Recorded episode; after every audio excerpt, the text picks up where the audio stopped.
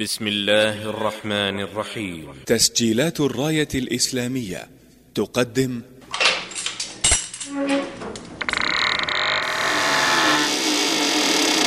كيف تكون مفتاحا للخير؟ مفاتيح الخير. إذا إذا أردت أن تكون مفتاحا للخير تعلم فواتح الخير وجوامع الخير وخواتم الخير التي اشتمل عليها كلام إمام الخير وقدوة الخلق محمد بن عبد الله رسول الله صلى الله عليه وسلم. مفاتيح الخير. مفاتيح الخير. مفاتيح أن الخير يلجأ من أراد لنفسه أن يكون مفتاحا للخير إلى الفتاح سبحانه.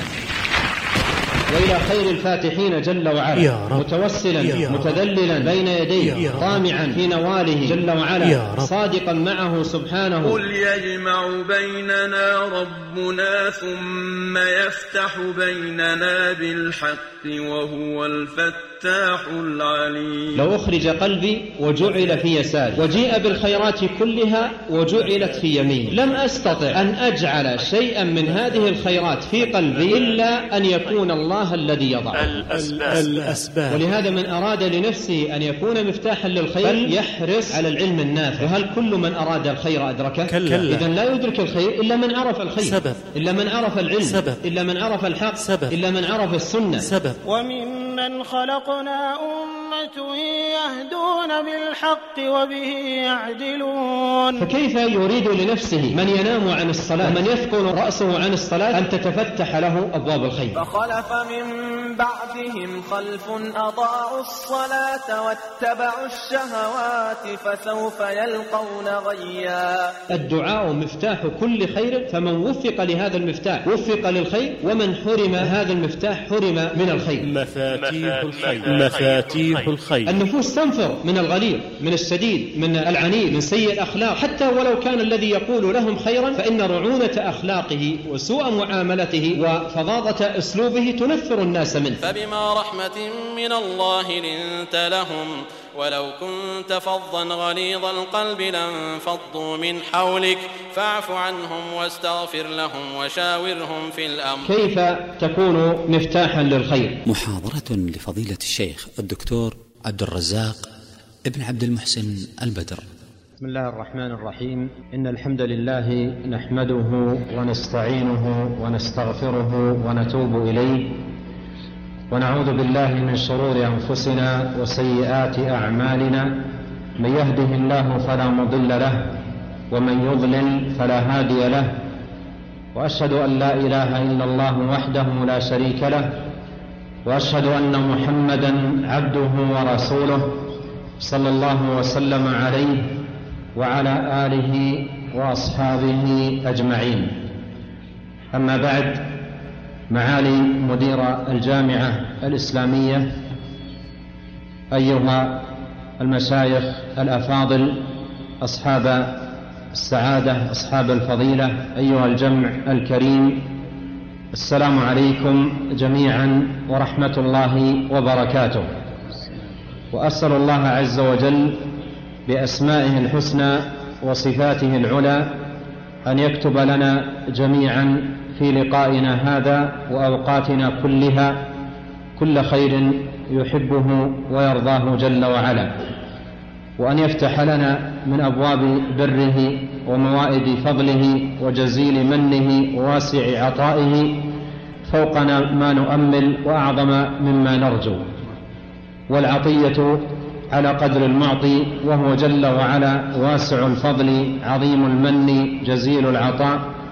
عطاؤه كلام ومنعه كلام فنسأله جل وعلا أن يوسع علينا من فضله وأن يكرمنا بجزيل منه ووافر عطائه سبحانه وتعالى.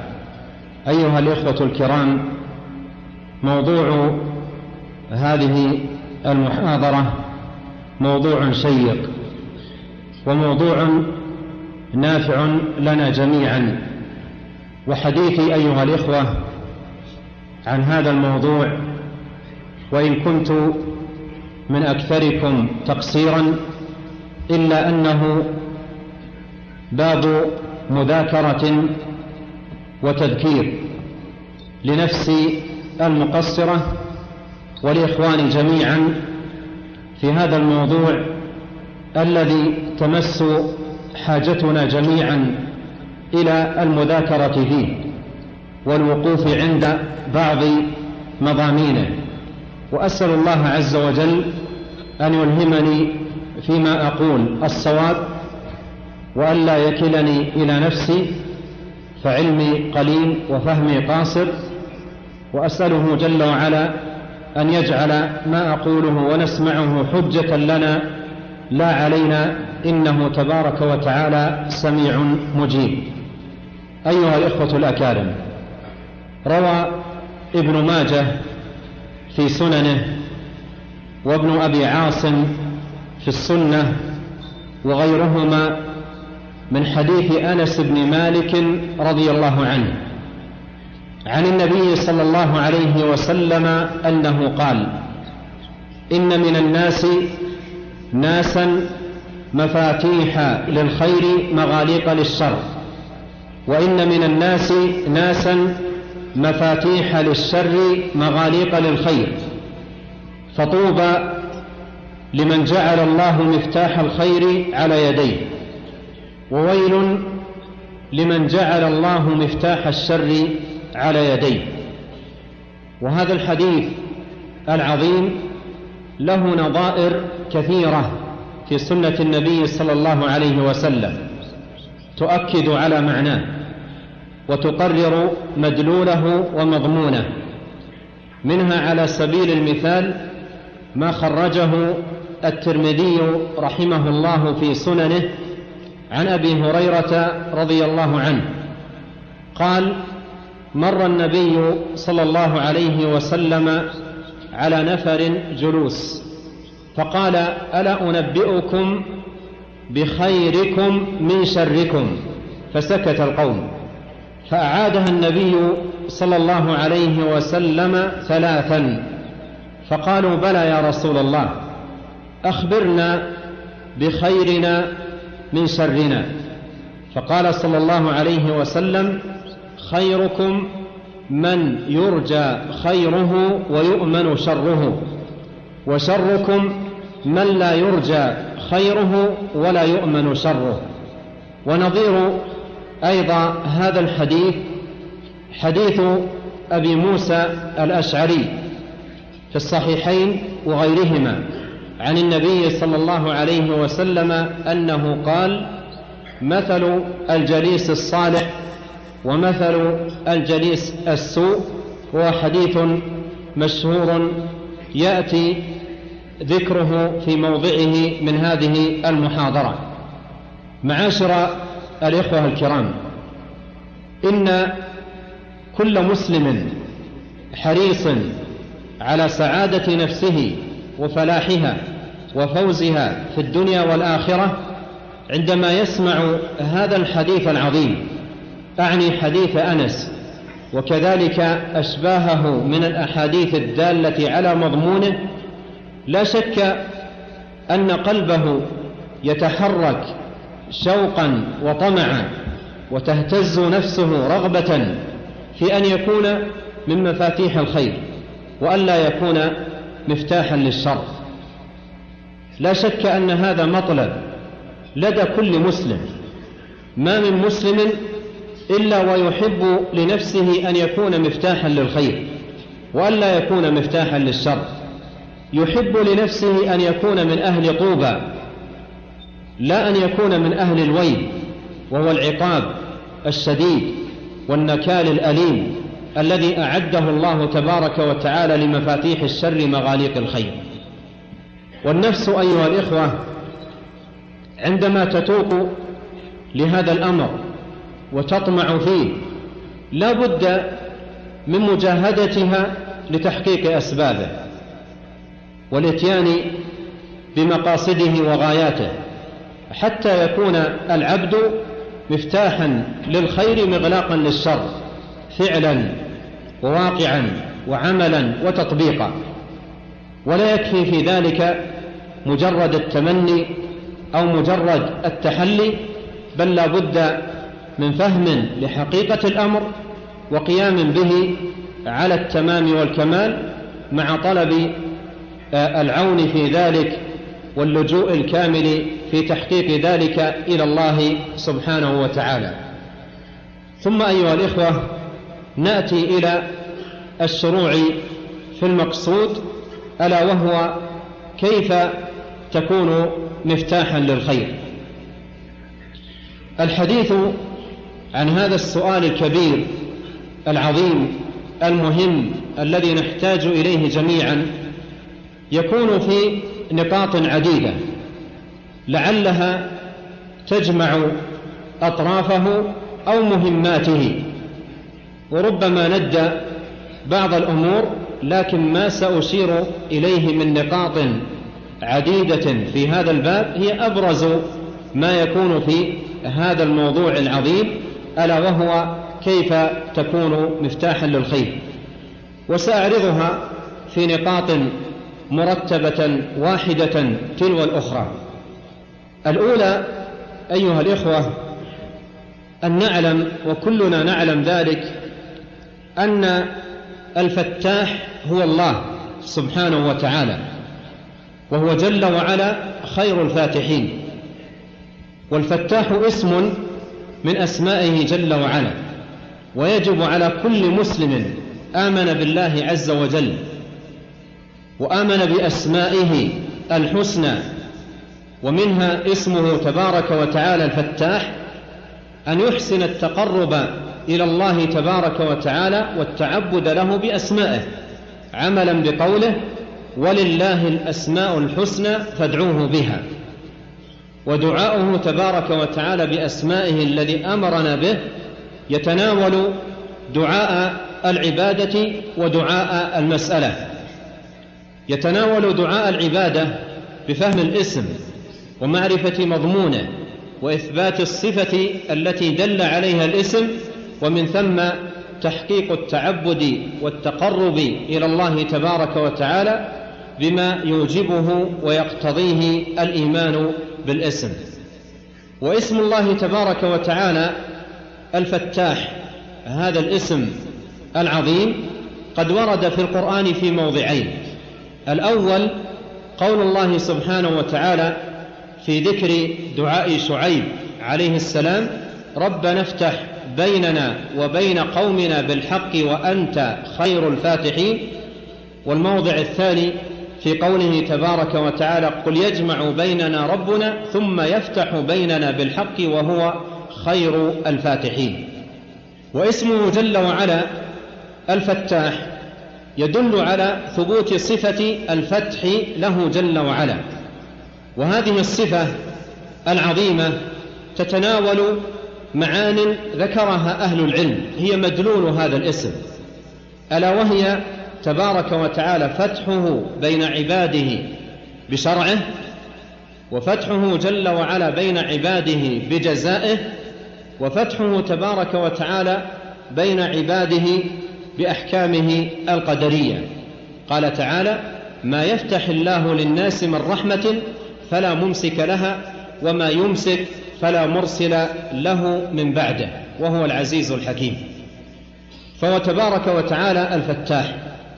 ولهذا الخطوة الأولى في هذا الباب أن يلجأ من أراد لنفسه أن يكون مفتاحا للخير إلى الفتاح سبحانه وإلى خير الفاتحين جل وعلا. متوسلا إليه متذللا بين يديه طامعا في نواله جل وعلا صادقا معه سبحانه. والله عز وجل لا يخيب عبدا ناداه ولا يرد مؤمنا أمل فيما عنده ورجاه جل وعلا. فهذه الخطوة الأولى الفتح كله من الله جل وعلا. فتحه عليك بالعلم النافع فتحه عليك بالعمل الصالح فتحه عليك بالأخلاق الفاضلة. كما قال بعض السلف قال إن هذه الأخلاق وهائب وإن الله تبارك وتعالى إذا أحب عبده وهبه منها. والله عز وجل قسم بين العباد الأخلاق والأرزاق والأعمال والأعمار وكل شيء منه جل وعلا. ولهذا يكون الأمر الأول في هذا الباب اللجوء الكامل إلى الله عز وجل. لا يمكن أن تنال علما أو تكسب فهما أو تحقق خلقا أو تقوم بعبادة أو غير ذلك من الأمور إلا إذا فتح الله عليك. وكم هو جميل هنا كلمة قالها مطرف ابن عبد الله ابن الشخير من علماء التابعين رحمه الله تعالى. قال كلمة عجيبة. قال لو أخرج قلبي وجعل في يساري. لو أخرج قلبي وجعل في يساري. وجيء بالخيرات كلها وجعلت في يميني. لم أستطع أن أجعل شيئا من هذه الخيرات في قلبي إلا أن يكون الله الذي يضعه. إلا أن يكون الله الذي يضعه. فالأمر بيد الله تبارك وتعالى من قبل ومن بعد. ولهذا أحيانا يسمع الإنسان مواعظ وأشياء نافعة جدا له في دينه ودنياه ويسمع من أبواب الخير وأبواب البر وأبواب الفلاح ولكن نفسه تجنح وتجمح ويقل منه العمل والعطاء والتوفيق بيد الله لا حول ولا قوة إلا به جل وعلا. النقطة الثانية أيها الإخوة أن نعلم أن أعظم مفاتيح الخير وأجلها على الإطلاق توحيد الله جل وعلا وإخلاص الدين له سبحانه وتعالى. والتوحيد هو مفتاح كل خير وهو مفتاح الجنة. وقد جاء في حديث رواه الإمام أحمد رحمه الله في مسنده عن معاذ بن جبل أن النبي صلى الله عليه وسلم قال مفتاح الجنة لا إله إلا الله. وهذا الحديث في سنده مقال لكن معناه حق صحيح لا ريب فيه وله شواهد كثيرة ودلائل عديدة في سنة النبي صلى الله عليه وسلم لا أطيل بذكرها لكن من أوضحها ما خرجه البخاري ومسلم في صحيحيهما من حديث عمر بن الخطاب رضي الله عنه أن النبي صلى الله عليه وسلم قال ما من عبد يتوضأ فيبلغ الوضوء أو فيسبغ الوضوء ثم يقول أشهد أن لا إله إلا الله وأن محمدا عبده ورسوله إلا فتحت له أبواب الجنة الثمانية يدخل من أيها شاء. فالتوحيد مفتاح الجنة ومن لم يأتي بهذا المفتاح الذي هو التوحيد لا يدخل الجنة. ولهذا قال الله سبحانه وتعالى عن الكفار لا تفتح لهم أبواب السماء ولا يدخلون الجنة حتى يلج الجمل في سم الخياط. الجنة لا يمكن دخولها إلا بالتوحيد. وقد قال عليه الصلاة والسلام لا يدخل الجنة إلا نفس مؤمنة. ولا إله إلا الله هي كلمة التوحيد وهي مفتاح الجنة كما تقدم. لكن هذا المفتاح لا يتحقق عمله ولا يتحقق دخول العبد الجنة به إلا إذا حقق شروط هذه الكلمة.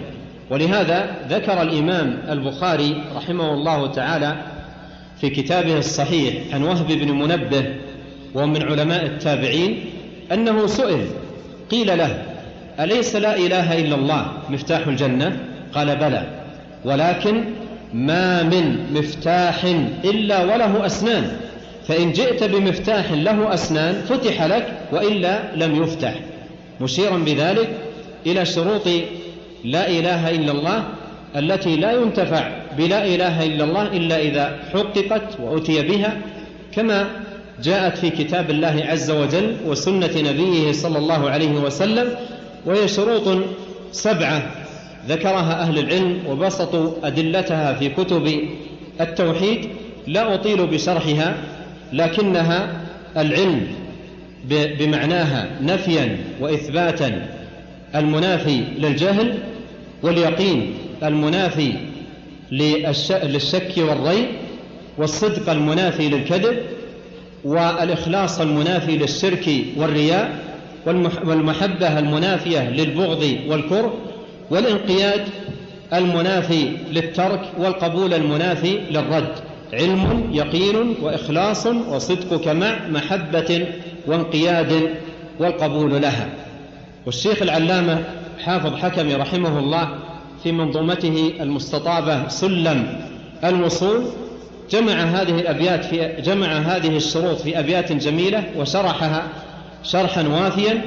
قال رحمه الله وبشروط سبعة قد قيدت وفي نصوص الوحي حقا وردت فإنه لا ينتفع قائلها بالنطق إلا حيث يستكملها العلم واليقين والقبول والانقياد. فادر ما أقول والصدق والإخلاص والمحبة وفقك الله لما أحبه فإذا هذه الكلمة العظيمة كلمة التوحيد التي هي مفتاح الجنة يجب على من أراد أن يكون مفتاحا للخير على نفسه وعلى الآخرين أن يحقق التوحيد لله وأن يحقق الإخلاص لله جل وعلا وأن يكون مبتغيا في أعماله وطاعاته وقرباته كلها وجه الله عز وجل. يتقرب إلى الله بعبادته ويتقرب إلى الله عز وجل بالإحسان إلى الناس وطيب المعاملة لهم. إنما نطعمكم لوجه الله لا نريد منكم جزاء ولا شكورا.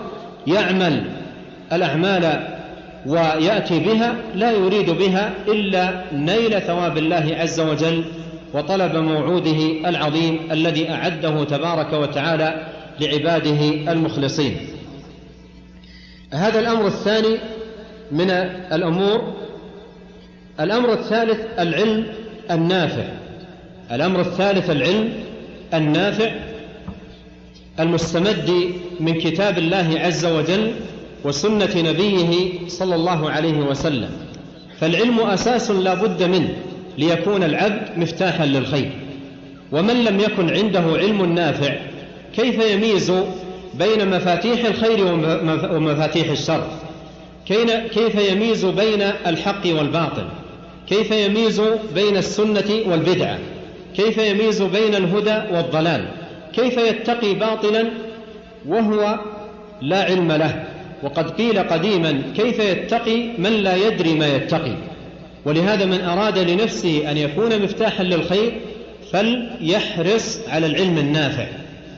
وقد جاء في حديث رواه البيهقي في سننه عن النبي صلى الله عليه وسلم أنه قال من غدا يطلب علما يتعلمه فتح الله له به بابا إلى الجنة والحديث في سنده مقال لكن يغني عنه ما صح عن النبي صلى الله عليه وسلم من حديث أبي الدرداء وغيره أنه عليه الصلاة والسلام قال من سلك طريقا يلتمس فيه علما سهل الله له به طريقا إلى الجنة. وهو بمعنى الحديث السابق. من سلك طريقا يلتمس فيه علما سهل الله له به طريقا إلى الجنة. فمن أراد لنفسه أن يكون مفتاحا للخير عليه أن يحرص على العلم النافع ويعتني به عناية دقيقة. وقد سمعنا فيما تلاه الشاب النبيل في القراءة التي في مقدمة هذه الكلمة قول الله عز وجل قل هذه سبيلي أدعو إلى الله على بصيرة والبصيرة هي العلم النافع. فمن لم يكن عنده علم نافع كيف يميز بين حق وباطل وهدى وضلال. أفمن يمشي مكبا على وجهه أهدى أم من يمشي سويا على صراط مستقيم. أفمن يعلم أن ما أنزل إليك من ربك الحق كمن هو أعمى إنما يتذكر أولو الألباب. قل هل يستوي الذين يعلمون والذين لا يعلمون؟ فالعلم أساس عظيم وأصل كبير في هذا الباب. لا بد أن يعتني به العبد ليكون بذلك من مفاتيح الخير مغاليق الشر. وعندما لا يكون العبد متحليا بالعلم ربما دخلت عليه أمور كثيرة هي من الضلالات والبدع والأهواء وهو يحسب أنه يحسن صنعا.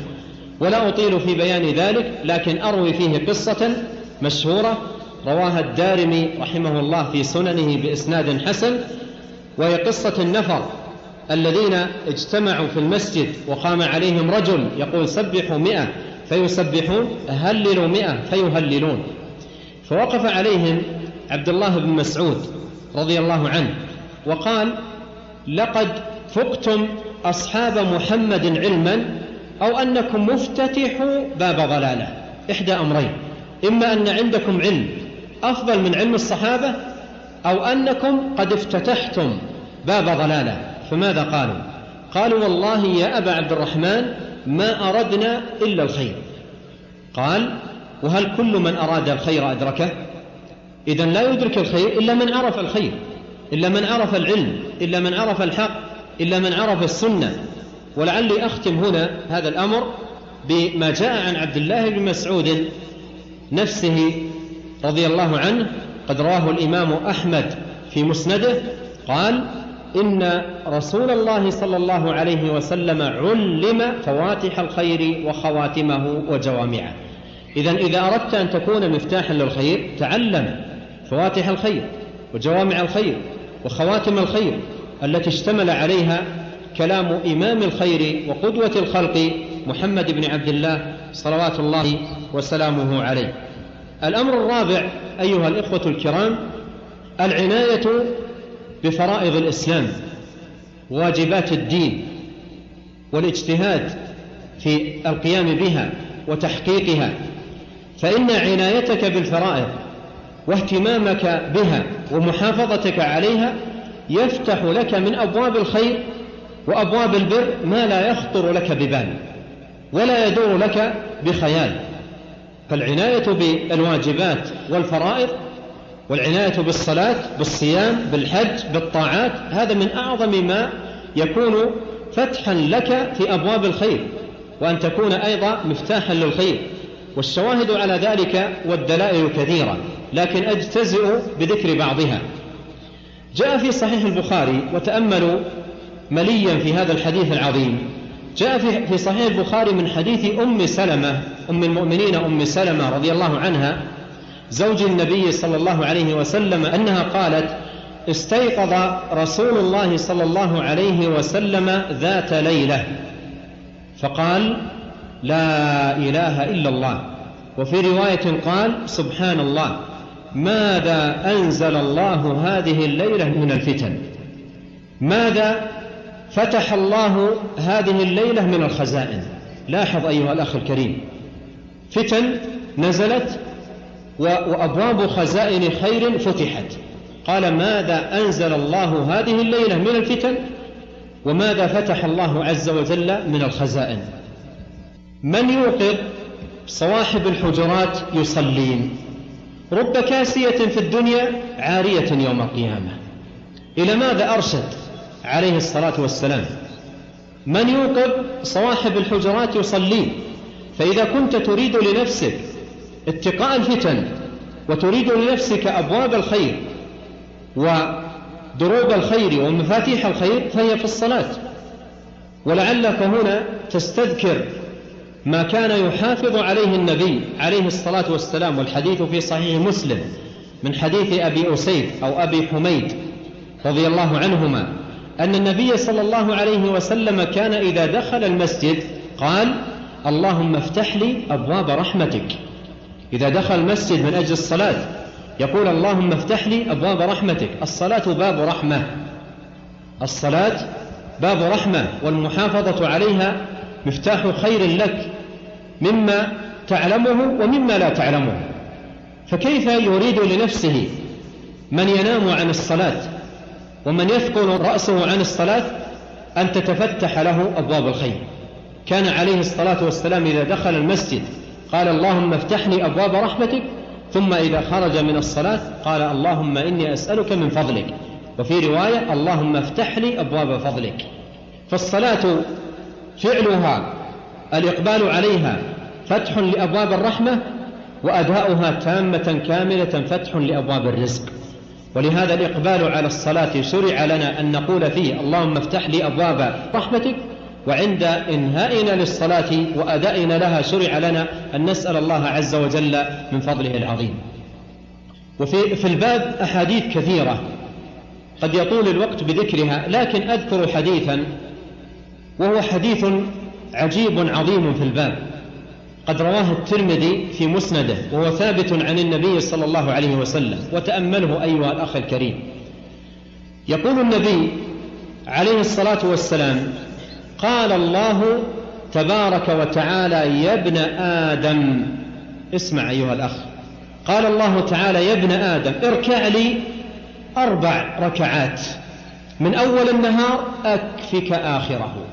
رب العالمين يقول ذلك جل وعلا. ابن آدم اركع لي أربع ركعات. الله جل وعلا غني عن ركعاتك وغني عن سجودك. ولكن هذا باب خير وفتح خير لك يدعوك إليه رب العالمين. والحديث صحيح ثابت. ابن آدم اركع لي أربع ركعات. من أول النهار أكفك آخرة. يقول شيخ الإسلام ابن تيمية رحمه الله تعالى المراد بهذه الركعات الأربع فريضة الفجر والنافلة التي قبلها. ركعتين السنة الراتبة قبل الفجر وفريضة الفجر تركعهما في أول النهار. كم يحرم أيها الأخ أيها الإخوة من ينام عن صلاة الفجر. عندما يقوم كما جاء في الحديث خبيث النفس كسلانا أغلقت أبواب الخير وسدت أبواب الرزق. وأول اليوم هو أساسه وزمام اليوم وهو متنزل الأرزاق ومتنزل البركات. يقول أبو ذر رضي الله عنه يقول أول يومك مثل جملك إن أمسكت أوله تبعك آخره فمن لم يمسك أول اليوم بأداء الصلاة ماذا ينتظر؟ في بقية يومه ولهذا من الأسس العظيمة في فتح أبواب الخير على نفسك وعلى الآخرين المحافظة على فرائض الإسلام وأداء واجبات الدين ويأتي في مقدمة ذلك الصلاة. وانظر أيضا في فتح أبواب الخير لك في عبادة الصيام وغيرها من العبادات فيما جاء في أحاديث النبي عليه الصلاة والسلام الواردة في هذا الباب. ومن ذلكم الحديث العظيم الذي قال فيه النبي صلى الله عليه وسلم إذا كان أول ليلة من رمضان فتحت أبواب الجنة وغلقت أبواب النار وصفدت الشياطين ونادى مناد يا باغي الخير أقبل ويا باغي الشر أمسك. فالعبادات والفرائض آه، الاهتمام بها والمحافظة عليها هذا من أكبر العون لك لأن تكون أولا مفتاح خير على نفسك ومفتاح أيضا خير على الآخرين. أيضا الأمر السادس من الأمور التي يكون بها العبد مفتاحا للخير مغلاقا للشر مجاهدة النفس على البعد عن الآثام وتجنب موارد الحرام ومعصية الله تبارك وتعالى. وأيضا الحديث في هذا الجانب قد يطول لكن أكتفي بذكر حديث واحد عظيم في هذا الباب. رواه الإمام أحمد رحمه الله في مسنده عن النواس بن سمعان رضي الله عنه أن النبي صلى الله عليه وسلم قال إن الله ضرب مثلا صراطا مستقيما وعلى جنبتي الصراط أبواب وعلى الأبواب ستور مرخاة وفي أول الصراط مناد ينادي يا عباد الله ادخلوا الصراط ولا تعوجوا. ومن جوف الصراط وفي لفظ ومن فوق الصراط مناد ينادي يا عبد الله لا تفتح الباب فإنك إن فتحته تلج لا تفتح الباب فإنك إن فتحته تلجه. ثم بين ذلك قال أما الصراط فهو الإسلام وأما السوران فحدود الله وأما الأبواب التي عليها ستور مرخاة فمحارم الله. وأما المنادي الذي ينادي من أول الصراط فكتاب الله. وأما المنادي الذي ينادي من جوف الصراط أو من فوق الصراط فواعظ الله في قلب كل مسلم. وهذه من منة الله على كل مسلم أن جعل له في قلبه واعظا. عندما تحدثه نفسه لفتح باب من أبواب الحرام أو الدخول في شيء من منافذ الباطل تزجره عن ذلك يا عبد الله لا تفتح الباب فإنك إن فتحته تلج. إذا من أراد لنفسه أن يكون مفتاحا للخير مغلاقا للشر فليعلم على ضوء هذا الحديث أنه في طريق مستقيم يفضي بصاحبه إلى جنات النعيم وعلى جنبتي هذا الطريق المستقيم أبوابا كثيرة عن يمينه وعن يساره وهذه الأبواب ليس فيها كوالين ولا مفاتيح وإنما عليها ستائر وهي أبواب تفضي إلى الحرام. ومن المعلوم أيها الإخوة أن الباب الذي عليه الستارة لا يكلف داخله وقتا ولا جهدا يضربه ب... يلامسه بكتفه ويدخل سريعا. بخلاف الباب الذي يحتاج إلى أن تقف وأن تخرج المفتاح وأن تعالج يد الباب يأخذ منك وقتا. أما الباب الذي عليه ستارة فإنه يدخله الإنسان سريعا.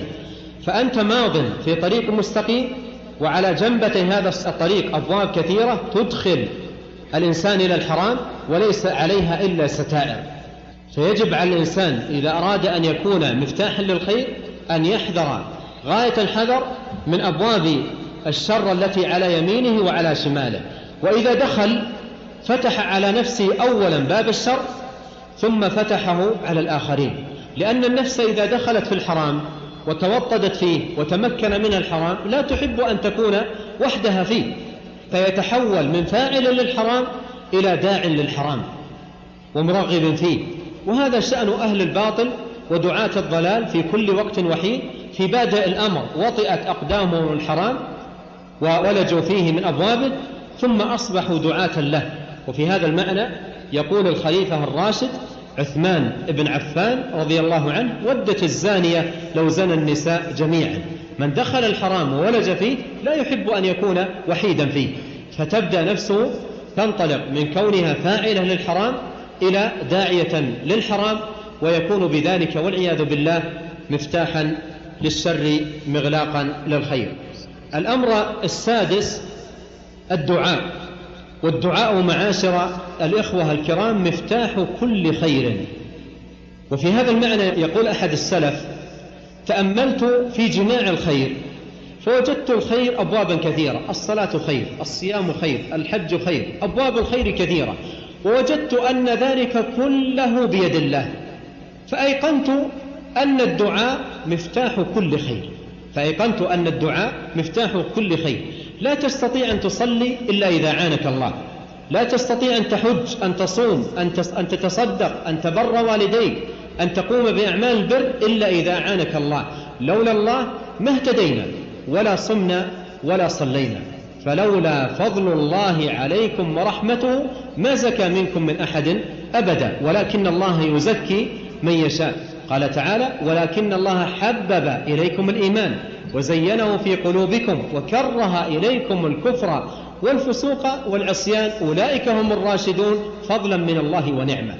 ولهذا إذا أردت لنفسك أن تكون مفتاحا للخير أن تكون من أهل الفضل من أهل العلم من أهل النبل من أهل الأمور الفاضلة العظيمة فاسأل الله عز وجل. كل ذلك بيده جل وعلا. ولهذا قال غير واحد من أهل العلم الدعاء مفتاح كل خير فمن وفق لهذا المفتاح وفق للخير ومن حرم هذا المفتاح حرم من الخير. فالدعاء واللجوء إلى الله عز وجل والصدق معه والعناية بآداب الدعاء وشروطه وضوابطه المتقررة في كتاب الله وسنة نبيه صلوات الله وسلامه عليه. هذا من أعظم ما يكون بل هو أساس في هذا الباب لتكون مفتاحا للخير.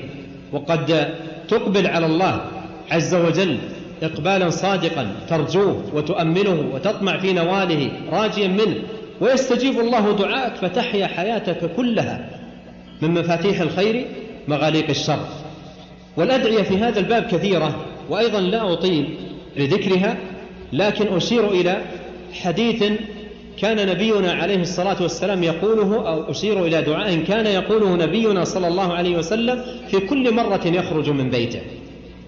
كان يقول اللهم إني أعوذ بك أن أضل أو أضل أو أزل أو أزل أو أظلم أو أظلم أو أجهل أو يجهل علي. لاحظ هذا الدعاء العظيم وجماله وشدة الاحتياج إليه في كل مرة تخرج فيها من بيتك. اللهم إني أعوذ بك أن أضل أو أضل أو أزل أو أزل أو أظلم أو أظلم أو أجهل أو يجهل علي. إذا أكرمك الله واستجاب لك هذه الدعوة صرت مفتاحا للخير مغلاقا للشر. كان بعض السلف يقول في دعائه اللهم سلمني وسلم مني. ودعاء النبي صلى الله عليه وسلم أوسع منه وأجمل وأتم. والعوام في نجد عندهم دعوة شبيهة بهذا المعنى. أذكرها وربما كثير من الطلاب الحاضرين لن يفهموها وسأترجمها لهم. بعض العوام يقولون اللهم لا تسلطنا ولا تسلط علينا. اللهم لا تسلطنا ولا تسلط علينا. هذه الدعوة جميلة من حيث معناها وهي بمعنى دعوة النبي صلى الله عليه وسلم. الله اللهم لا تسلطنا أي على الناس بالشر والإيذاء والعدوان ونحو ذلك أيضا ولا تسلط الناس علينا بنحو هذا المعنى. وهذا بمعنى دعوة النبي صلى الله عليه وسلم. فدائما من أراد أن يكون لنفسه أن يكون مفتاحا للخير أن يلجأ إلى الله جل وعلا وأن يلح عليه سبحانه وتعالى بالدعاء أن يكرمه بفتح أبواب الخير له ومن الدعوات العظيمة ما كان يحافظ عليه نبينا عليه الصلاة والسلام كل يوم بعد صلاة الفجر. اللهم إني أسألك علما نافعا وعملا متقبلا ورزقا طيبا. الأمر السابع من الأمور التي آه، آه، يكون بها المرء مفتاحا للخير تجنب موارد الفتن والشبهات والحذر منها وهذا يحقق للعبد السلامة في نفسه وأيضا السلامة من أن يكون مفتاح شر على الناس. وأيضا لا أطيل هنا لكن أكتفي بذكر أثر واحد عن عبد الله بن مسعود رضي الله عنه وأرضاه. رواه غير واحد من أهل العلم منهم ابن بطة العكبري في كتابه الإبانة وغيره من أهل العلم. قال ابن مسعود رضي الله عنه إنها ستكون أمور مشتبهات. إنها ستكون أمور مشتبهات. فعليكم بالتؤدة. فإنك أن تكون تابعا في الخير خير من أن تكون رأسا في الشر. فهنا من أراد لنفسه أن يكون مفتاحا للخير مغلاقا للشر لينتبه في الأمور المشتبهات وأمور الفتن فلا يبرز لها ولا يتصدر ولا يندفع اندفاع الطائشين المتهورين الذين يوقعون أنفسهم في الهلكة ويوقعون غيرهم فيها بل يتأنى ويتئد قال فعليكم بالتؤدة عليكم بالتؤدة فإنك أن تكون تابعا في الخير خير من أن تكون رأسا في الشر. ولهذا أمور الفتن والأمور المشتبهات لا يندفع الشاب وراءه بل يتأنى ويتروى ويتصل بالعلماء الكبار والأئمة الأكابر يستشيرهم ويسترشد بآرائهم. لا يندفع برأي رآه أو هوى هواه أو كلام قيل له ودفع نحوه لأنه إذا اندفع اندفاعا بلا تؤدة ولا أنات ورط نفسه في الشر وأيضا صار مفتاح شر على الآخرين. ولهذا يجب على الإنسان أن يتأنى وأن يتئد وأن يأخذ الأمور بالهدوء والأنات وأن يشاور أهل العلم وأن يكثر دعاء الله سبحانه وتعالى أن يجنبه الشر لا أن يندفع وينساق وراء الفتن والشبهات ويبرز لها ويتصدر ثم يتورط بأن يكون قد فتح شرا على نفسه وعلى الآخرين. الأمر الثامن من الأمور التي يكون بها المرء مفتاحا للخير الرفق في الأمور. والتعامل مع الناس بمكارم الأخلاق فإن هذا من أعظم الروافد لأن تكون مفتاحا للخير. وثق أيها الأخ الموفق أن صاحب الخلق الغليظ والمعاملة السيئة لا يمكن أن يفتح بها قلوب الناس لا يمكن أن يفتح قلوب الناس بأخلاق فضة ومعاملة غليظة. وقد قال الله سبحانه وتعالى لنبيه سيد ولد آدم قال فبما رحمة من الله لنت لهم. ولو كنت فظا غليظ القلب لانفضوا من حولك. النفوس تنفر من الغليظ من الشديد من العنيف من سيء الأخلاق. حتى ولو كان الذي يقول لهم خيرا فإن رعونة أخلاقه وسوء معاملته وفظاظة أسلوبه تنفر الناس منه. ولهذا يحتاج الإنسان ليكون مفتاحا للخير أن يتعامل مع الناس المعاملة الرفيقة. وأن يكلمهم بالكلام الطيب الهادي الكلام الذي فيه التواضع ليس فيه التعالي وليس فيه الترفع على الناس وليس فيه التطاول عليهم. ولو أخذت أضرب الأمثلة على ذلك من سنة النبي صلى الله عليه وسلم طال بنا الوقت لكن أضرب مثالا واحدا عجيبا ومدهشا.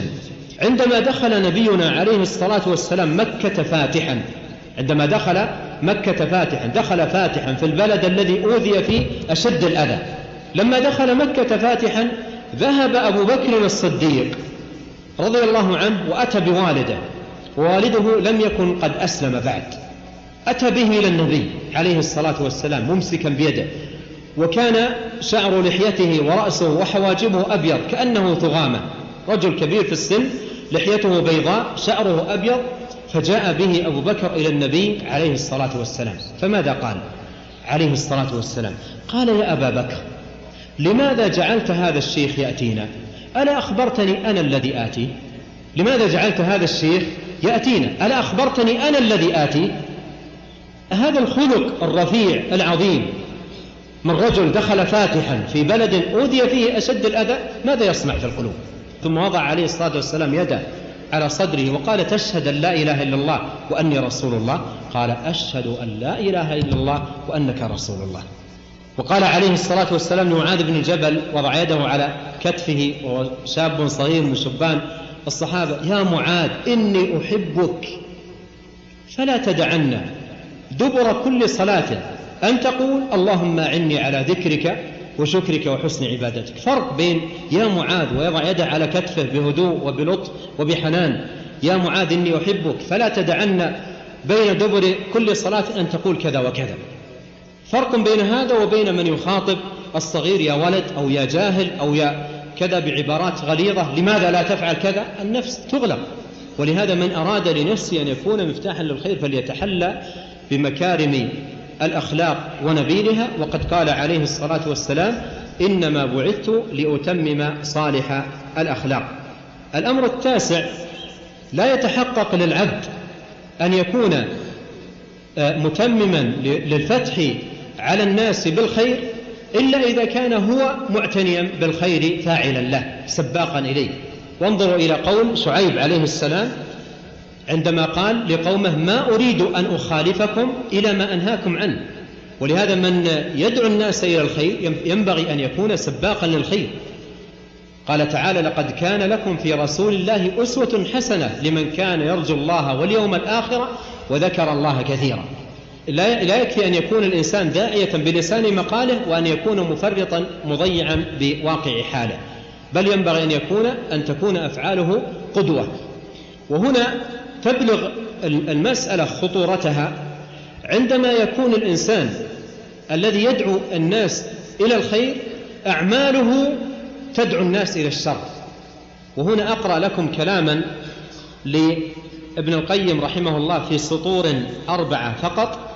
يقول رحمه الله علماء السوء جلسوا على باب الجنة علماء السوء جلسوا على باب الجنة يدعون إليها يدعون إليها بأقوالهم ويدعونهم إلى النار بأفعالهم. يدعون إليها بأقوالهم ويدعون إلى النار بأفعالهم. فكلما قالت أقوالهم للناس هلموا قالت أفعالهم لا تسمعوا منهم. فلو كان ما دعوا إليه حقا كانوا أول المستجيبين له. فهم في الصورة أدلة. يعني هؤلاء العلماء علماء السوء في الصورة أدلاء يعني يدلون الناس إلى الجنة وفي الحقيقة قطاع طريق. انتهى كلام ابن القيم رحمه الله تعالى. آه الأمر العاشر من الأمور التي يكون بها الإنسان مفتاحا للخير أن يذكر الآخرة. والقيام بين يدي الله تبارك وتعالى ومجازاة الناس على أعمالهم وأن هناك جنة ونار وحساب وعقاب وأن ما تقوله وما يصدر منك وما يكون منك من عمل كل ذلك تلقى الله عز وجل به يوم القيامة. وتذكر في هذا الباب أن الجنة لها ثمانية أبواب والنار لها سبعة أبواب.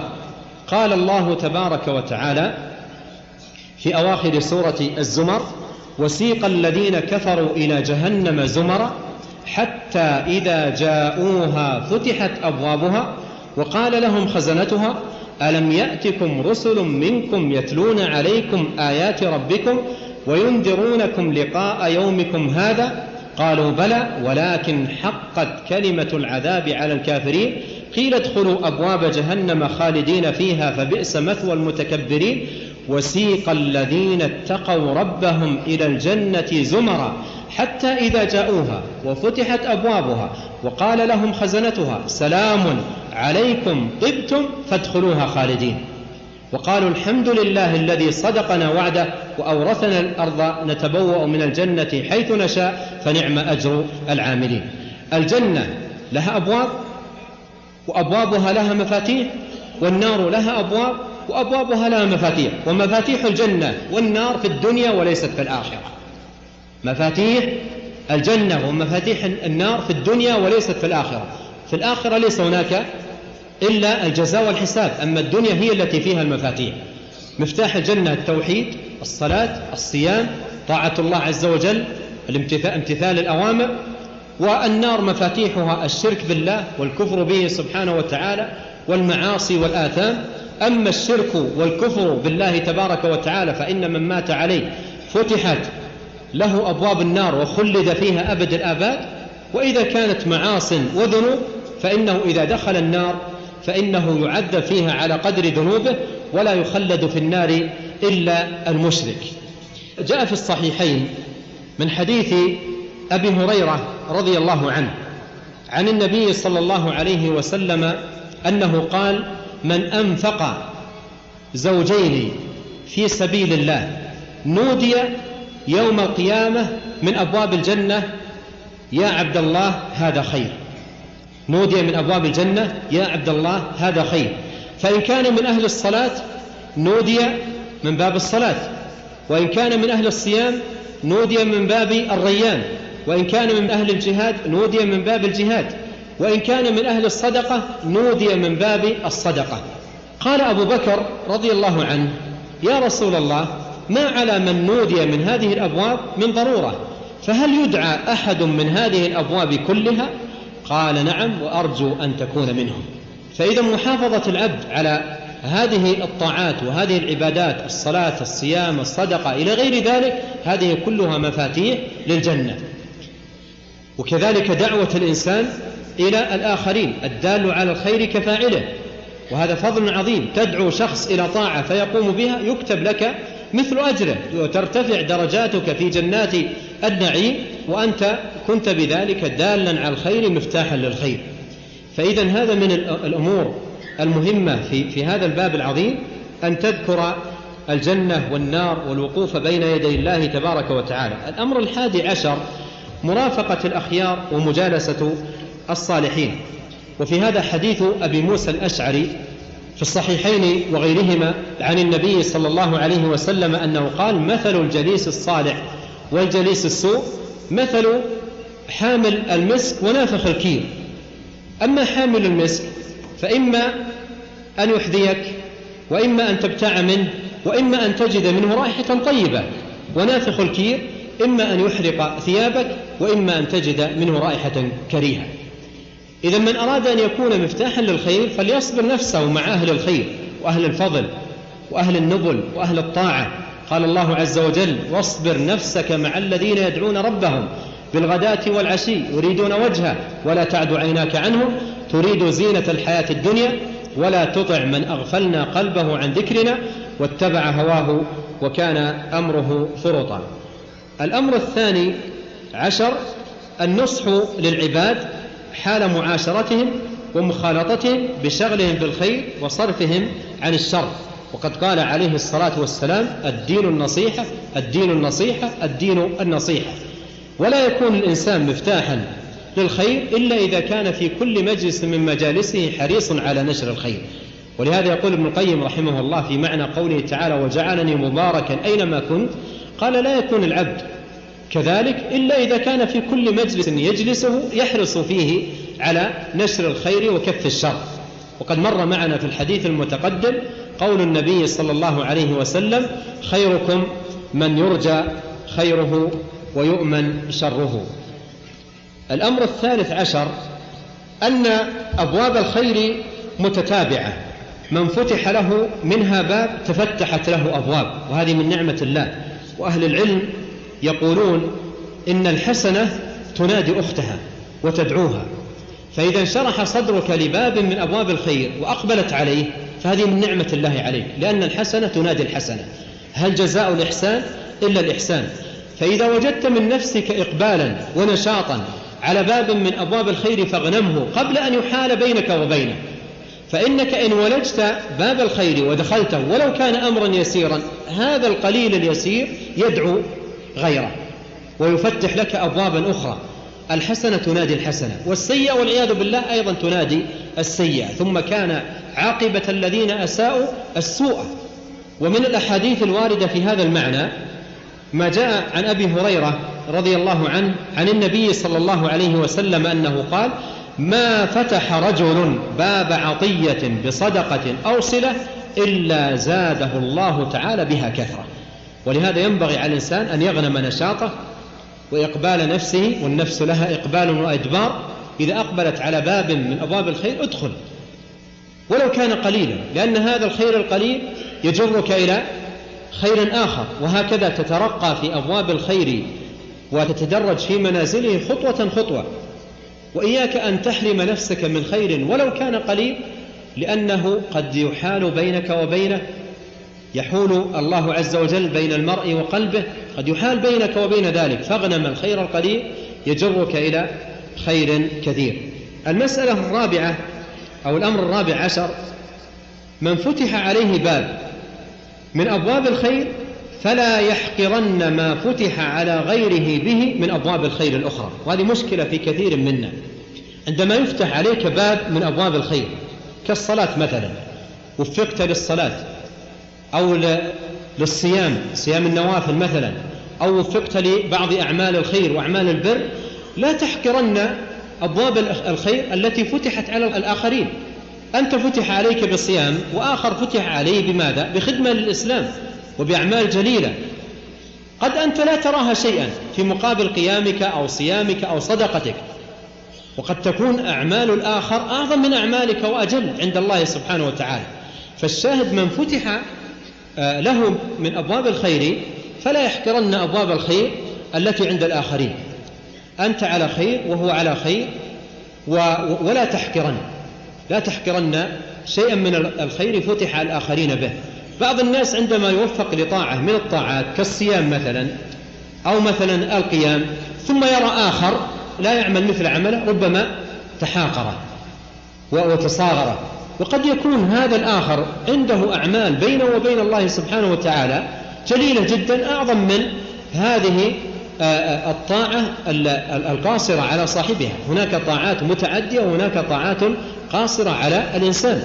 ولهذا لا يحقر الإنسان من المعروف شيء ولهذا من الأمور الطريفة اللطيفة التي تروى في هذا الباب. قصة جميلة دارت بين الإمام مالك بن أنس رحمه الله وأحد العباد. المشتغلين بالعبادة. كتب أو أرسل إلى إلى مالك نصيحة. ينصح الإمام مالك أن يترك الدروس وأن يترك التعليم وأن يتفرغ للعبادة لأنه هو عابد ومشتغل بالعبادة بالقيام بالصلاة وإلى آخره. والإمام مالك مجتهد في تعليم الناس الخير. فأرسل له هذا العابد نصيحة. يطلب من الإمام مالك أن ينفرد بنفسه وأن يشتغل بالعبادة وأن يترك هذه المجالس مجالس التعليم التي هي بغني هذا العابد تأخذ وقتا عن العبادة. القصة ذكرها ذكرها الذهبي رحمه الله في سير علام النبلاء أن عبد الله بن عمر العمري العابد آه، قال أو كتب للإمام مالك رحمه الله تعالى قال آه، يحضه على الانفراد والعمل. فكتب إليه مالك بن أنس إن الله قسم الأعمال كما قسم الأرزاق. إن الله قسم الأعمال كما قسم الأرزاق.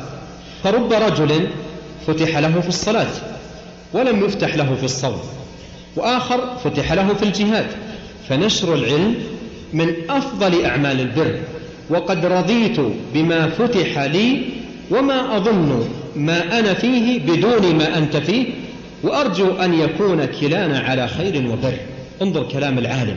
قال وأرجو أن يكون كلانا على خير وبر. أيضا هذا العالم لم يقل أنت ما تفهم أو أنت ما عندك مثل ما عندي من العلم وأنت أمرك أهون وأنت بل قال له كلام جميل متواضع ختمه بقوله أرجو أن يكون كلانا على خير وبر.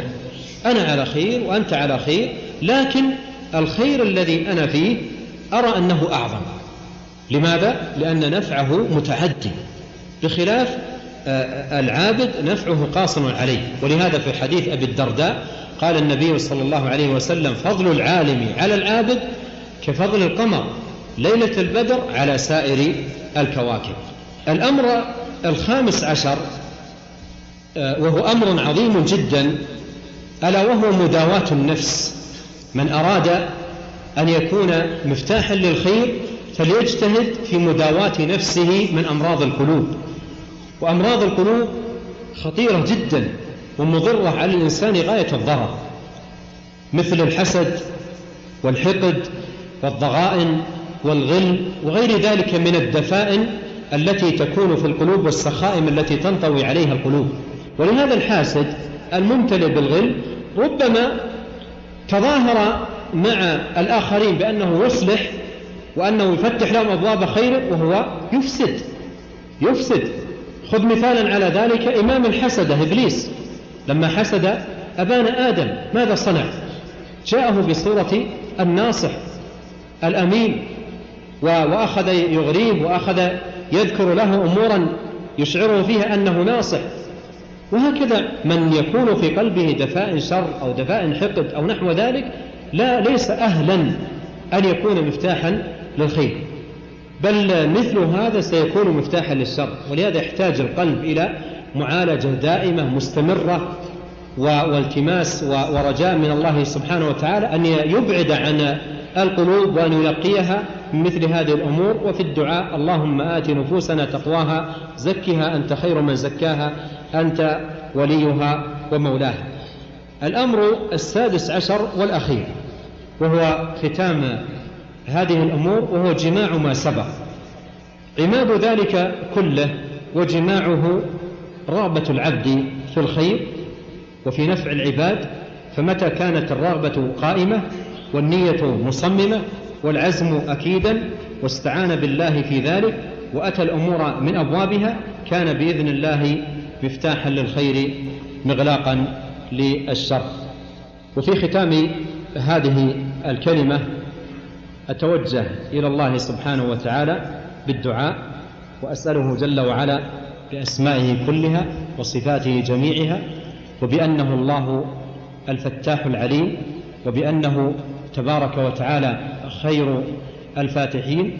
أسأله جل وعلا لي ولوالدي ولمشايخنا ولمدير الجامعة ولوكلائه وعمداء الجامعة ووكلائهم ولأساتذة الجامعة ولجميع منسوبيها ولطلاب الجامعة أجمعين وللحاضرين ولعموم المسلمين أن يفتح علينا أجمعين من واسع فضله وعظيم منه وجزيل عطائه وأن يصلح لنا أجمعين ديننا الذي هو عصمة أمرنا وأن يصلح لنا دنيانا التي فيها معاشنا وأن يصلح لنا آخرتنا التي فيها معادنا وأن يجعل الحياة زيادة لنا في كل خير والموت راحة لنا من كل شر وأن يغفر لنا ولوالدينا والمسلمين والمسلمات والمؤمنين والمؤمنات الأحياء منهم والأموات.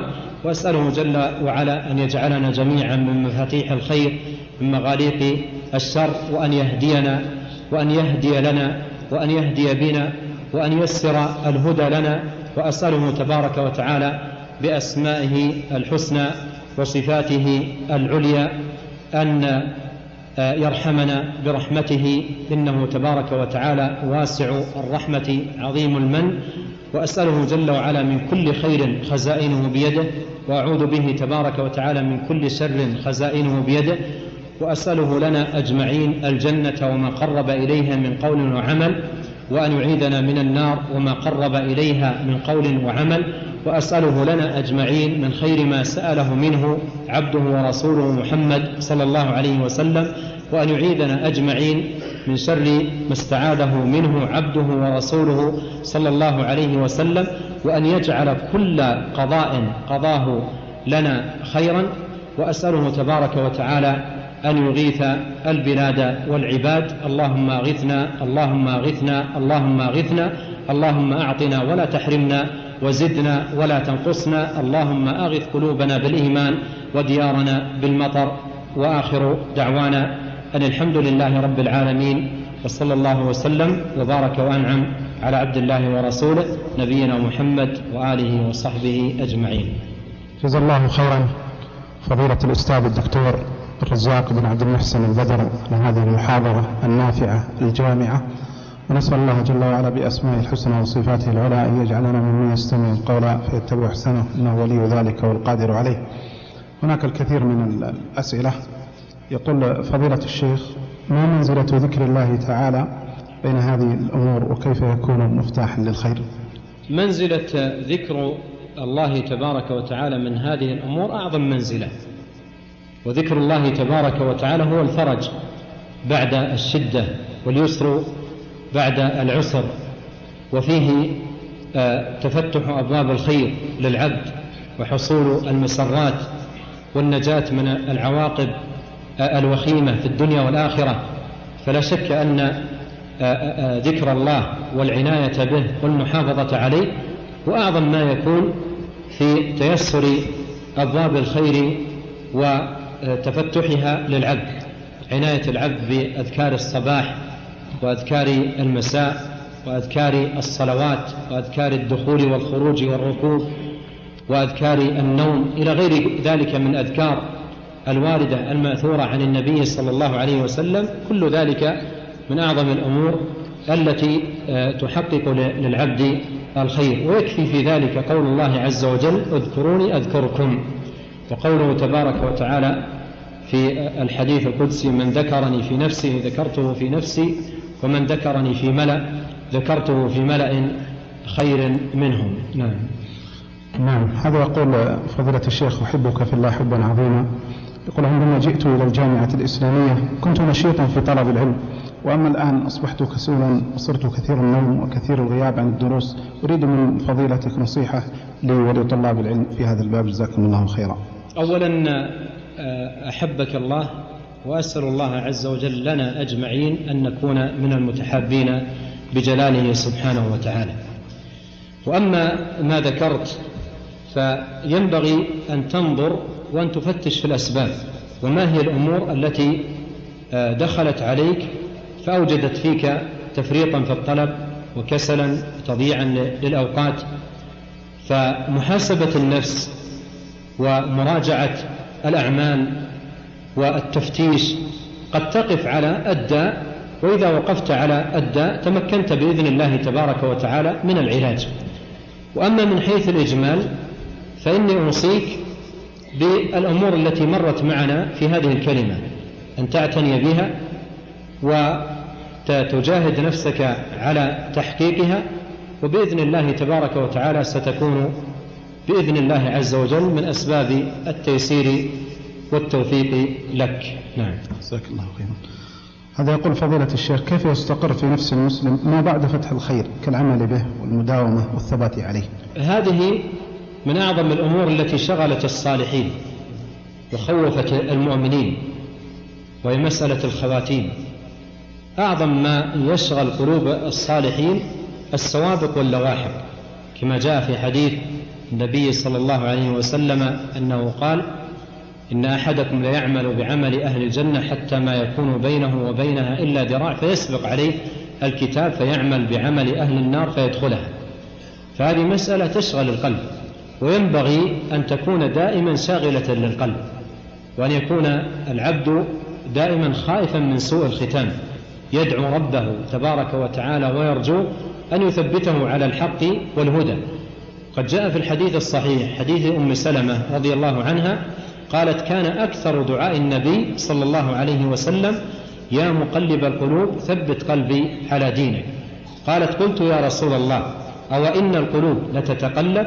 قال ما من قلب إلا هو بين أصبعين من أصابع الرحمن يقلبه كيف يشاء فإن شاء أقامه وإن شاء أزاغه.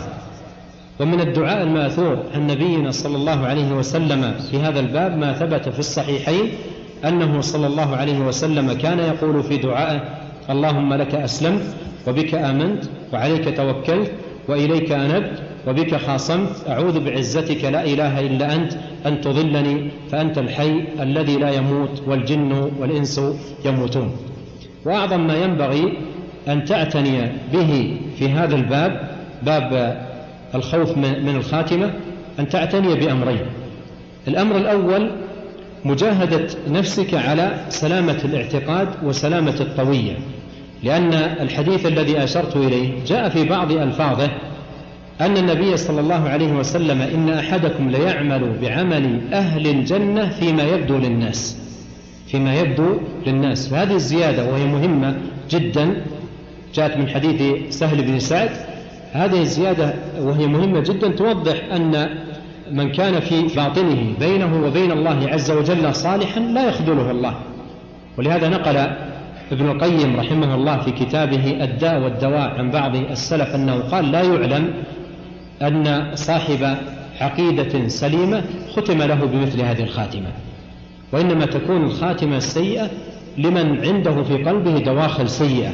أما إذا كان القلب صالحا بينه وبين الله عز وجل فإن الله عز وجل لا يخذله بل يثبته على الإيمان يثبته بالقول الثابت إلى أن يتوفاه وهو راض عنه ويدل ذلك ويدل لذلك قول الله عز وجل يثبت الله الذين آمنوا بالقول الثابت في الحياة الدنيا وفي الآخرة.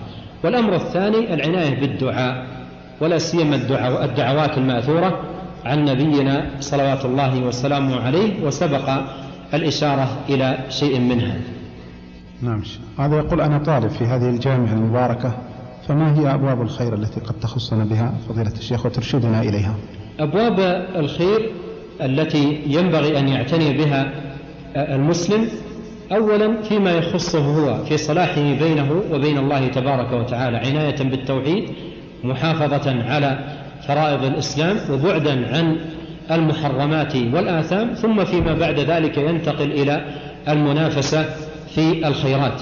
وفي الحديث القدسي يقول الله تبارك وتعالى ما تقرب إلي عبدي بشيء أحب إلي مما افترضته عليه ولا يزال عبدي يتقرب إلي بالنوافل حتى أحبه.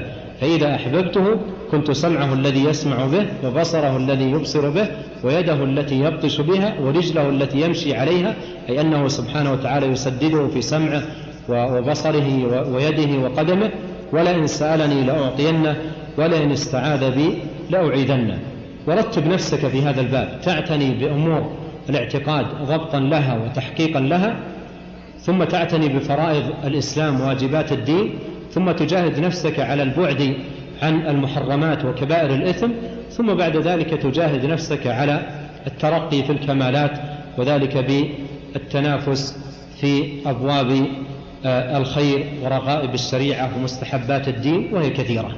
نعم. يقول فضيلة الشيخ هل من توجيه لمن يرى الصلاة في الغرفة بحجة بعد المسجد والتعب والإرهاق؟ هذا موجود في الحديث الصحيح عن نبينا صلى الله عليه وسلم أنه قال من سمع النداء فلم يجب فلا صلاة له إلا من عذر. والله تبارك وتعالى يقول في القرآن الكريم اركعوا مع الراكعين. ويقول جل وعلا في بيوت أذن الله أن ترفع ويذكر فيها اسمه يسبح له فيها بالغدو والآصال رجال. لا تلهيهم تجارة ولا بيع عن ذكر الله وإقام الصلاة. ولاحظ كلمة رجال ما أجملها في هذا الموطن. عندما يتحدث الناس عن الرجولة والمراجل الرجولة في, في, في حقيقتها ذل العبد لله وقيامه بطاعة الله وعنايته بالصلاة. الرجولة حقيقة, عند حقيقة عندما تنادى للصلاة تقوم وتنطلق إلى الصلاة. رجال هكذا قال رب العالمين. هذه الرجولة. أما والعياذ بالله أن ينادى للصلاة في المساجد والإنسان نشيطا وهو معافى ممتع بالصحة والعافية ثم يكسل ويفتر. ولو دعي إلى طعام أو مأدبة جميلة لقام بأعظم نشاط فهذا من أخطر ما يكون. ولهذا جاء في الحديث قال عليه الصلاة والسلام أثقل الصلوات على المنافقين صلاة الفجر وصلاة العشاء ولو علموا ما فيهما من الأجر لأتوهما ولو حبوا إلى آخر الحديث والأحاديث التي في وجوب صلاة الجماعة والمحافظة عليها ووعيد من يتخلف عنها مع قدرته وتمكنه كثيرا بسطها أهل العلم في المصنفات الخاصة بذلك. يقول فضيلة الشيخ لا شك أن الدعوة إلى الله هي مفتاح كل خير لكن الداعي ولا بد أن يكون متضلعا في العلم وهذا يجعل بعض طلبة العلم يتهيبون من القيام بالدعوة فما توجيهكم في هذا الأمر؟ النبي صلى الله عليه وسلم لما بعث معاذ وأبا ذر إلى اليمن قال سددا وقاربا فالمطلوب من طالب العلم أن يسدد ويقارب في هذا الباب ويجاهد نفسه على تحصيل العلم أولا هو في نفسه ثم يكون فيما يدعو الناس إليه على بصيرة. وهنا ينبغي ألا نخلط الأمور. لا يشترط فيك لتكون داعيا للخير أن تكون ملما بالشريعة وجامعا لأطرافها وأحكامها ليس شرطا. ولو قيل إن هذا شرط لتعطلت الدعوة. لكن الذي يشترط في هذا الباب أن تكون على علم وبصيرة فيما تدعو الناس إليه. الشيء الذي تدعو الناس إليه تكون على علم وبصيرة فيه. أما من لم يكن على بصيرة فيما يدعو الناس إليه ودعا بغير علم فإنه ربما دعاهم إلى باطل وهو يظن أنه يدعوهم إلى حق. فإذا إذا أكرمك الله عز وجل وتعلمت من الشريعة أمورا أدعو إليها. عرفت فضل الصلاة وحفظت أحاديث في مكانتها وفضلها. لا تقول لن أدعو الناس إلى الصلاة مع الجماعة وأحثهم فيها حتى أحيط علما بأبواب الشريعة كلها. ولكن آه، كل ما تيسر لك من الخير. تعمل به وتدعو من استطعت إليه وتستمر على هذه الطريقة تتعلم وتعمل وتعلم ولا يزال الخير ينمو فيك وينمو في مجتمعك بخلاف من يقطع على نفسه مثل هذا الخير ويعطل نفسه هو من الخير ويعطل الآخرين. وهنا أشير إلى أمر قد يوجد في قلة من الطلاب الذين حصلوا في هذه الجامعة المباركة خيرا عظيما وفوائد كثيرة ثم رجعوا إلى إلى بلادهم ففرطوا في هذا الجانب. وقد شاهدنا بعضهم وجلسنا معهم مجالس علمية في دورات وتباحثنا معهم في مسائل علمية فوجدنا أن بعضهم أصبحت معلوماته الشرعية مثل معلومات العوام. والسبب أنه فرط في هذه الحصيلة الطيبة المباركة التي حصلها في هذه الجامعة. ومن بركات العلم أن من ينفق منه يزيد علمه يزيد بكثرة الإنفاق منه وينقص إن به كفا شددت فالشاهد أنه ما تحصله من العلم اعمل به وادعو الناس إليه ولتكن دعوتك للناس على بصيرة. يقول كثير من الشبه تدخل إلى الطلاب من خلال دخولهم إلى بعض المواقع في الإنترنت فما توجيهكم؟ حفظكم الله. الإنترنت هذا مشكلة من المشاكل العظيمة العويصة في هذا العصر. وأنا أرى أنه باب شر عظيم على كثير من الناس إلا من وفقه الله عز وجل وجاهد نفسه وإلا النفس البشرية فيها فضول. والفضول فضول النظر وفضول السماء هو الذي يورد صاحبه الموارد المهلكة. وكم من إنسان سواء طالب علم أو غير طالب علم أجلس أمام آه، شاشة الإنترنت يتابع ويقوده في هذه المتابعة فضوله وينظر في المواقع ويتابعها شيئا فشيئا إلى أن مرض قلبه وتعطل فيه الخير وأصبح مظهرا بلا مخبر. أحد من كان معروفا بالصلاح والاستقامة والنشاط حدث رفيقا له وقد جلس ما مجالس طويلة أمام الإنترنت بسبب الفضول فأخذ يحدث زميلا له قال ترى جسمي هذا ومظهري هذا ليس فيه من, من المعاني التي تخبرها عني شيء. يقول أذهبها الإنترنت أذهبها الإنترنت. فالنفس فيها فضول وأهل العلم يقولون إذا كنت مخاطرا بشيء فلا تخاطر بدينك. دينك أثمن شيء عندك وأغلى شيء فأي شيء تخاطر فيه إلا دينك. ولهذا بعض الشباب وصغار الطلبة يجلس أمام الإنترنت ويخاطر بدينه. يذهب إلى مواقع مخزية وإلى مواقع آه، آه، سيئة ومواقع فيها شبهات ومواقع فيها حوارات آه، تحمل شبهات شديدة وهو علمه قليل. ثم يريد مع ذلك كله لنفسه أن تسلم. ترجو النجاة ولم تسلك مسالكها تقف أمام الفتن العاصفة الجارفة ثم تريد أن يبقى قلبك سليما. ولهذا إذا كنت مخاطرا بشيء لا تخاطر بدينك. لا تخاطر بدينك. وإذا احتجت إلى الإنترنت تعامل معه باعتدال. ولا يجرك الفضول إلى الدخول في المواقع الآثمة وما أكثرها في الإنترنت. وكل ما حدثتك نفسك خوفها بالله. وأحد الدعاة أحسن عندما قال عن الإنترنت والقنوات الفضائية قال هذه الخلوة العصرية. الخلوة العصرية بمعنى أن الإنسان يجلس في غرفة وأمامه هذا الجهاز وليس عنده أحد ولا يراه إلا رب العالمين. ويجلس في هذه الخلوة ويشبع فضول نفسه من كل بلاء وشر. يدخل في المواقع الكثيرة ومواقع الفساد ومواقع الشر وما إلى آخره فيجر على قلبه أمور يمرض بها قلبه والقلب إذا مرض الجوارح تبع له ألا إن في الجسد مضغة إذا صلحت صلح الجسد كله وإذا فسدت فسد الجسد كله ألا وهي القلب.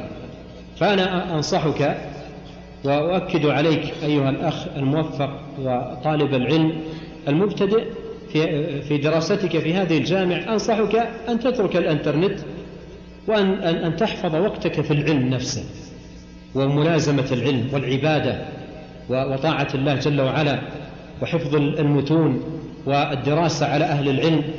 والإنترنت إذا كان ولا بد في مرحلة فيما بعد عندما تتقوى في العلم فتدخل في الإنترنت مؤصلا عالما فقيها تدخل لتكون فيه مصلحا.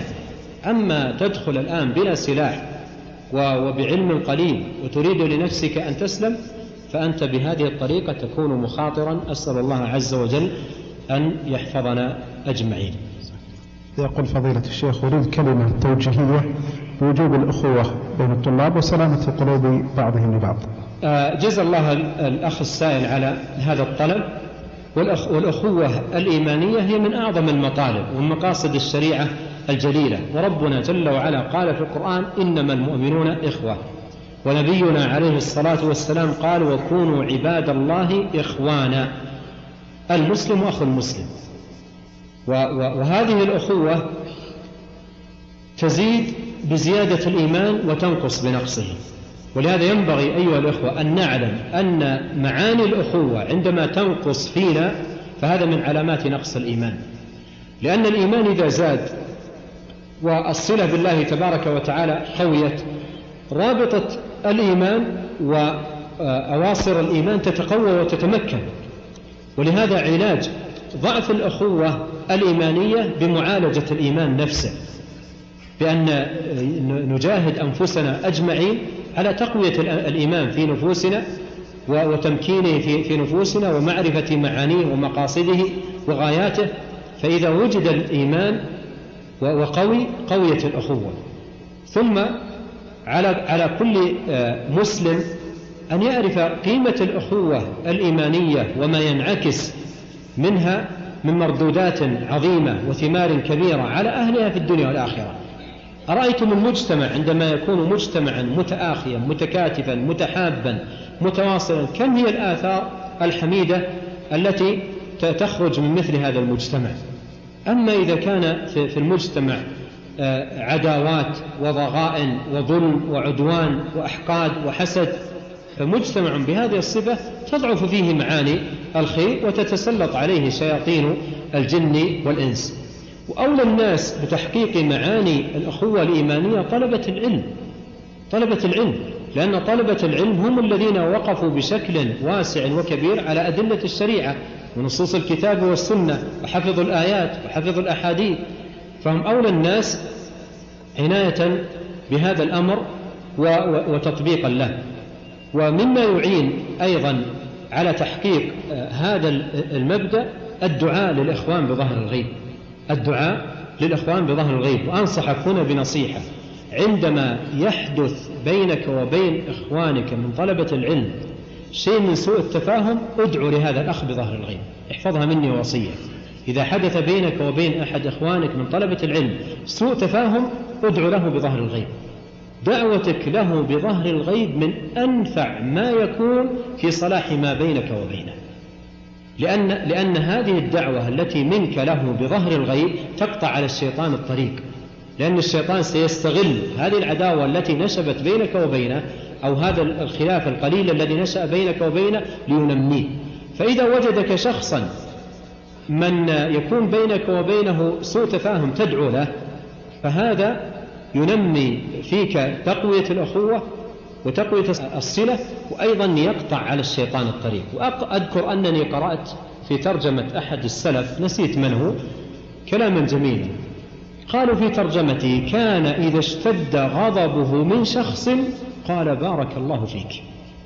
كان إذا اشتد غضبه من شخص قال بارك الله فيك. من يقوى على مثل هذا إلا النفوس الكبيرة؟ إلا النفوس الكبيرة. يغضب الواحد منا على ولده. أحب الناس إليه؟ فيعجز أن يقول بارك الله فيك. ربما يقدم لولد أنواع من الشتائم أو أنواع من الدعوات. فهذه أمور لا تقوى عليها إلا نفوس كبار. من الله سبحانه وتعالى عليها بذلك.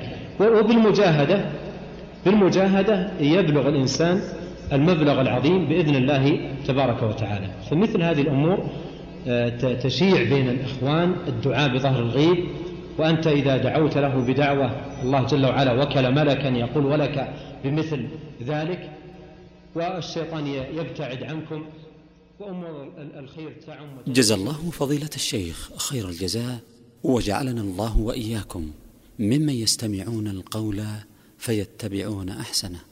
وتقبلوا تحيات إخوانكم في تسجيلات الراية الإسلامية بالرياض هاتف رقم أربعة تسعة واحد واحد تسعة ثمانية خمسة. والسلام عليكم ورحمة الله وبركاته.